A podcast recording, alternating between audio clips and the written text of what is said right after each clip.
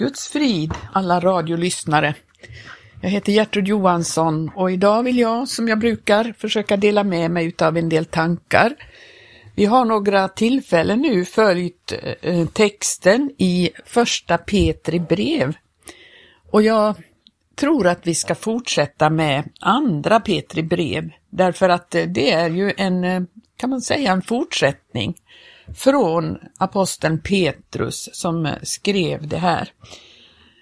Och jag ska göra som jag brukar, att jag kommenterar medan vi läser och försöker att dela med mig av tankar omkring det som skrivs. Vi börjar där i första kapitlets första vers. Från Simeon Petrus, Jesu Kristi tjänare och apostel, till dem som genom rättfärdigheten från vår Gud och frälsare Jesus Kristus har fått på sin lott samma dyrbara tro som vi. Detta eh, talar han om att detta är en så dyrbar tro som vi har fått. Den är ju det. Tänk vilken tro vi har fått oss till del. Och denna apostel han skriver till dem som genom rättfärdigheten från Gud och frälsaren. Det är ju så att vi har ingen egen rättfärdighet utan vi har fått iklä oss Kristi rättfärdighet genom tron. Och vi fortsätter där. Må nåd och frid i ännu rikare mått komma er till del genom kunskapen om Gud och vår Herre Jesus. Han önskar dem att de ska ännu mer få del utav nåd och frid och att eh, få lära känna och veta mer om Jesus. Så fortsätter vi där. Ty allt som hör till liv och Guds fruktan har hans gudomliga makt skänkt oss genom kunskapen om honom som har kallat oss genom sin härlighet och ära. Genom dem har han också gett oss sina dyrbara och mycket stora löften för att ni i kraft av den ska få del av gudomlig natur sedan ni har kommit undan det fördärv som på grund av begäret finns i världen. Det här återknyter ju till det brev som vi, första brevet som vi har läst igenom. Han har skänkt oss allt som hör till liv och gudsfruktan. Allt är oss skänkt. Vilken oerhörd dyrbar gåva vi har fått. Och det har han gett oss genom kunskapen om honom, om Jesus, att vi får veta allt om Jesus. Och Det räcker inte att bara få höra talas om Jesus och där, utan vi måste få veta mer och mer om honom och på det viset förstå mer och mer vad som är oss skänkt. Han har gett oss sina dyrbara och mycket stora löften och i kraft av de här löftena så får vi del av gudomlig natur. Det är ju vår enda räddning och möjlighet att få del av gudomlig natur. Annars så kan vi inte leva ett nytt liv i honom. Och det är ett fördärv i världen som det står, på grund av begäret finns i världen. Vi läste ju om det där att vi skulle lämna bakom oss allt det som hör till det här världens begärelser. Och det läste vi om i första brevet. Och så står det så här då i femte versen. Gör därför allt ni kan för att er tro visar dygd. Vad är dygd? Jo, men det är ju en moralisk egenskap. Det är att eh, när man är en ärlig, modig, tålmodig, lojal, vis, medkännande, generös, hövlig och arbetsam, pålitlig och vänlig. Alltså allt det här, finns många, många egenskaper som är dygder kan man säga. Och gör allt ni kan för att i er tro visa dygd. Ja men är det här eh, självrättfärdighet eh, då? Ska vi liksom själv försöka allt det här? Ja, vi ska göra allt vi kan, men vi har ju fått del av gudomlig natur. Nu måste vi komma ihåg det, att genom denna gudomliga natur finns det en möjlighet för oss att få visa upp dessa dygder.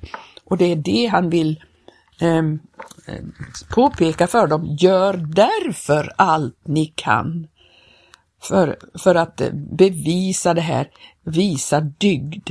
och i dygden insikt, alltså eh, förståelse eller ja, man har eh, förstår saker och ting, insikt och i insikten självbehärskning, i självbehärskningen uthållighet, i uthålligheten gudsfruktan och i gudsfruktan broderlig kärlek och i kärleken till bröderna kärlek till alla människor.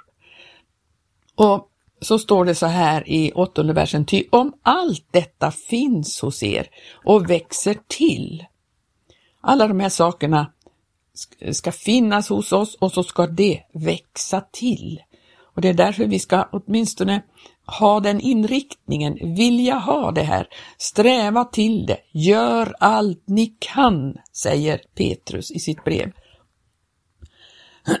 Om det finns hos er och växer till, då blir ni inte overksamma eller utan frukt när det gäller kunskapen om vår Herre Jesus Kristus. då, får vi, då får vi mer och mer kunskap om Jesus Kristus. Men den som saknar detta är närsynt, ja blind, eftersom han har glömt att han blev renad från sina tidigare synder. Det kan så lätt bli så att man eh, blir förblindad i det här.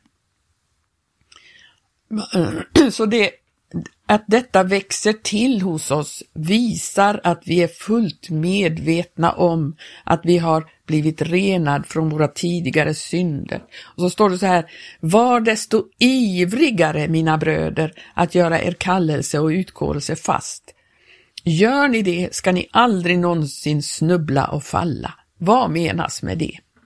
Jo, men vi är ju kallade och utkårade till ett särskilt syfte syfte och det är det han syftar på här. Gör allt ni kan. Vi kan inte kasta oss in i och göra vad som helst därför att vi har en kallelse.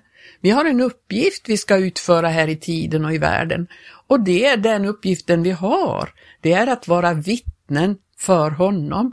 Det är att um, kunna sprida kunskapen om honom. Det är det vi har kommit hit att göra. Vi, Eh, vi läste ju om det där att vi är för att vi ska förkunna hans härliga gärningar, för att vi ska förkunna, stod det i första brevet där, att eh, vi skulle överlämna oss till att eh, byggas upp som ett heligt tempel, därför att vi har blivit gjorda till ett heligt prästerskap. Och det är därför vi Eh, vi ska göra detta fast i våra liv. Det är det vi kallar det till, ingenting annat. Vi kan inte ägna vårt liv till vad som helst, utan vi ska eh, fastslå det att det här är vad vi är kallade till. Så att vi kan inte, vi kan inte slösa vårt liv på andra ting. Gör er kallelse och utkårelse fast. Gör ni det ska ni aldrig någonsin snubbla och falla. Då ska ni få en fri och öppen ingång till vår Herre och Frälsare, Jesu Kristi eviga rike. Det innebär att, ursäkta mig, det innebär att vi hör inte till de människor som ägnar vårt liv till någonting som brinner upp när vi kommer till himmelen, att vårt livsverk brinner upp, utan vi det innebär att vi hör till dem som får höra de här orden när vi kommer in där. Väl gjort du gode och trogne tjänare. Vi hör inte dem, till dem som slösar vårt liv på det som inte är gudomligt värdefullt, utan vi satsar våra liv på det evigt bestående. Då ska vi få en fri och öppen ingång till vår Herre och Frälsare Jesu Kristi eviga rike. Och därför så säger Petrus, därför tänker jag alltid påminna er om detta, trots att ni redan känner till det och är befästa i den sanning som ni äger.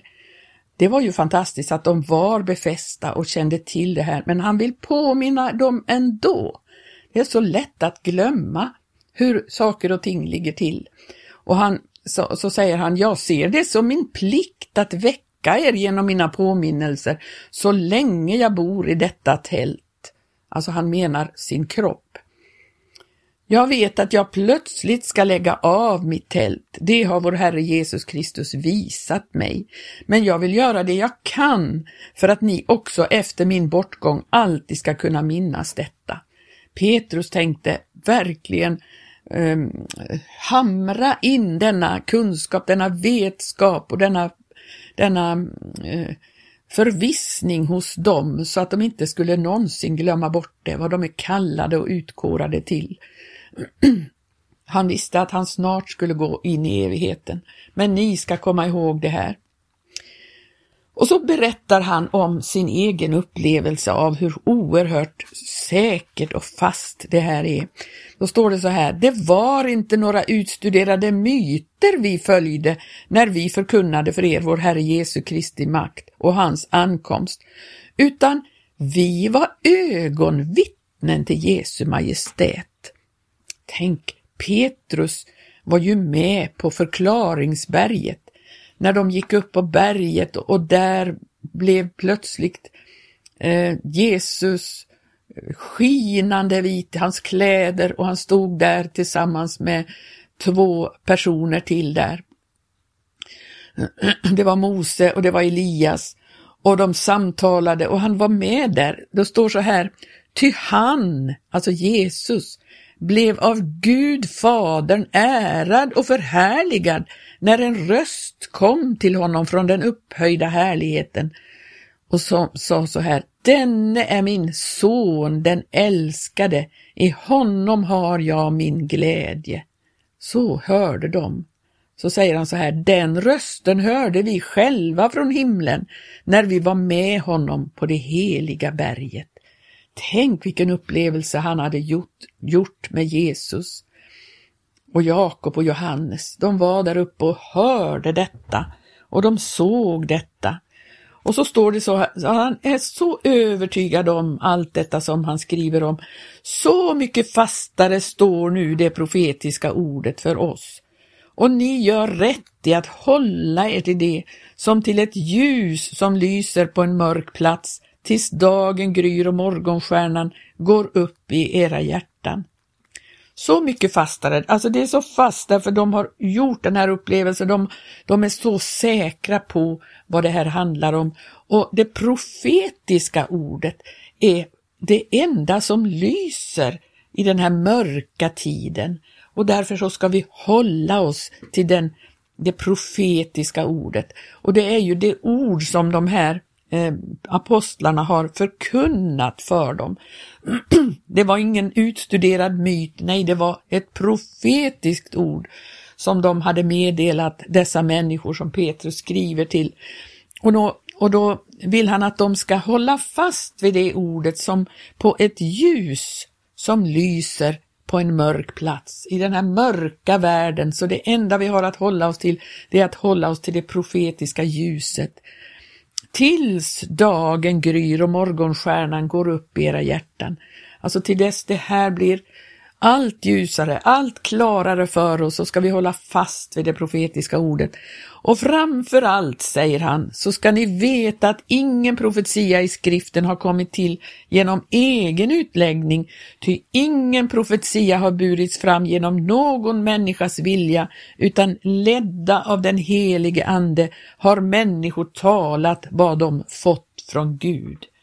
Det är alltså apostlarna som talade vad de fick från Gud och de hade inte eh, det var ingenting de hade bestämt eller velat utan det var Gud som hade lett dem till att förkunna det här.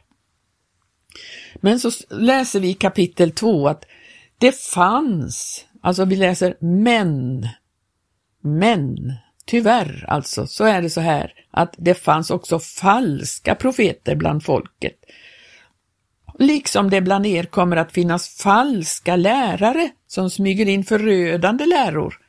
De ska till och med förneka den Herre som har friköpt dem och drar så plötsligt fördärv över sig. Falska lärare kommer, det är ju aktuellt om någonsin idag att det finns falska lärare. Det är därför det är så fruktansvärt viktigt att vi håller fast vid det profetiska ordet, det profetiska ljuset som kommer till oss i Guds ord. Eh, då står det så här, många ska följa dem i deras utsvävningar och för deras skull kommer sanningens väg att smädas. I sin girighet kommer de att med falska argument sko sig på er. Men domen över dem är sedan länge verksam och deras undergång sover inte. Alltså det finns sådana som följer de här falska lärarna och för deras skull så kommer sanningens väg att smädas. Har vi inte sett det i oerhört stor mängd idag? Att sanningens väg blir smädad på grund utav att människor kommer med falska läror och de har utsvävningar som verkligen är orena och, och, och eh, på allt sätt eh, fördärvar det eh, som är sanning genom att smutsa ner denna sanning.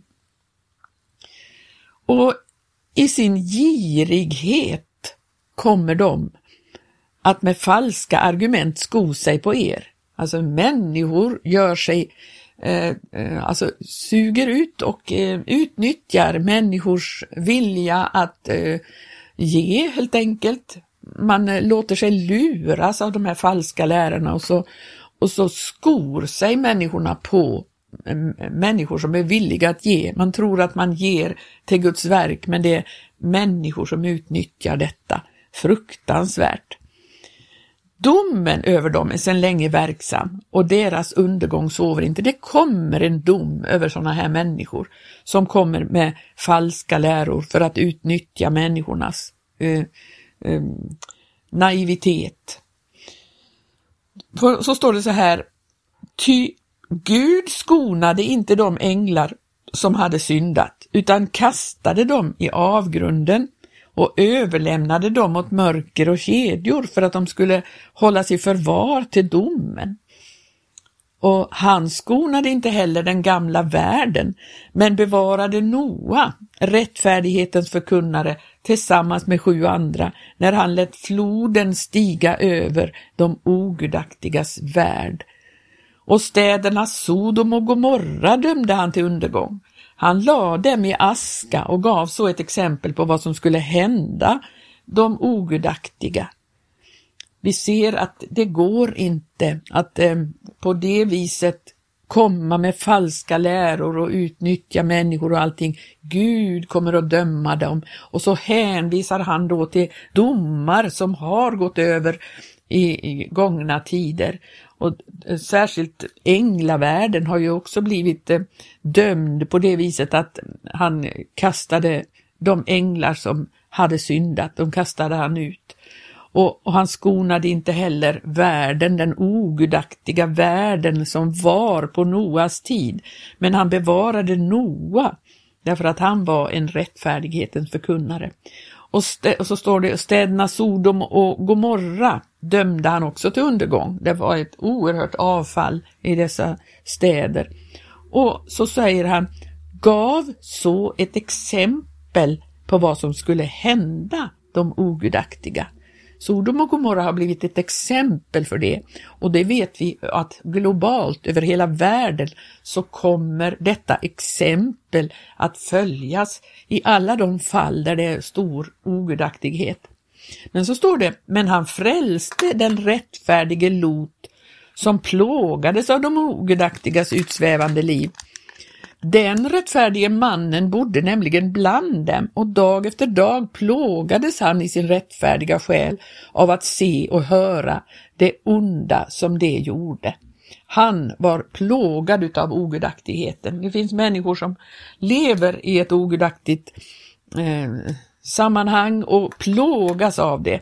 Nu har ju vi ett budskap som handlar om att vi ska bryta upp ifrån eh, det ogudaktiga och leva ett annat liv utanför. Men den Lot som inte hade hörsammat den eller tänkt så, han levde där och plågades medan Abraham istället gick upp i bergstrakterna och sökte sig närmare Gud och det är Abraham som vi ska följa. Men för den som inte har tagit det steget så ser vi att Gud ändå kan bevara och rädda den rättfärdige som lever mitt i det ogudaktiga. och så står det Herren vet alltså att frälsa de gudfruktiga ur frestelsen och att hålla de orättfärdiga i förvar och straffa dem fram till domens dag. Särskilt de som i orent begär följer sin kötsliga natur och föraktar Herren. Det finns de som föraktar Herren och bara följer sin ogudaktiga natur, kötsliga natur. Fräck Starka och självsäkra skyggar de inte för att smäda högra, höga makter, under det att änglar som står högre i fråga om makt och styrka inte uttalar någon smädande dom mot dem inför Herren. Det gör inte änglar som står mycket högre i makt än människor, för de vet att det där är är inte bara att göra det, att smäda höga makter. Och det står så här, dessa människor som gör så här är som oförnuftiga djur, av naturen födda till att fånga och döda. Eh, alltså, de är som oförnuftiga djur. De gör sig lik djuren som är av naturen födda till att fångas och, och dödas. De smädar vad de inte känner till och kommer att gå under genom sitt förfall. Och som djur ska de också gå under, vad fruktansvärt. Det är den rätta lönen för deras laglöshet, onda som de är. De njuter av att festa mitt på ljusa dagen. De är smutsfläckar och skamfläckar, där de vid sina kärleksmåltider festar och frossar tillsammans med er. De har ögon fulla av otukt och kan inte få nog av synd och de lockar till sig obefästa själar och har hjärtan som är övade i att roffa åt sig dessa förbannelsens barn. Sådana människor finns det ibland oss och vi måste ha akt på så att inte vi eh, umgås med de här människorna. Och de, de försöker locka till sig. De försöker locka till sig och det är fruktansvärt. Att vara, det är därför det är så viktigt att vara befäst i sin tro och i sin kallelse och i sin utkårelse. Och så står det så här, eh, eh, det har lämnat den raka vägen och förts vilse och följt samma väg som Biliam, Beors son, som älskade den lön han skulle få för sin orättfärdighet. Vi kan läsa om Biliam i, Biliam i fjärde Moseboken 22, hur han Eh, ändå suktade efter den lön han skulle få trots att han inte kunde säga någonting som Gud inte hade menat. Men han skulle inte gå dit för att hoppas på att få den här lönen. Och så står det, han blev tillrättavisad för sitt brott. Och en stum åsna talade med människoröst och förhindrade profetens vanvett. Tänk att till och med en åsna kunde bli ut, äh, använd av eh, Gud att för, för, tillrättavisa en profet. Och så står det om de här människorna. Dessa människor är källor utan vatten och moln som jagas av stormvinden. Det djupa mörkret är förvarat åt dem.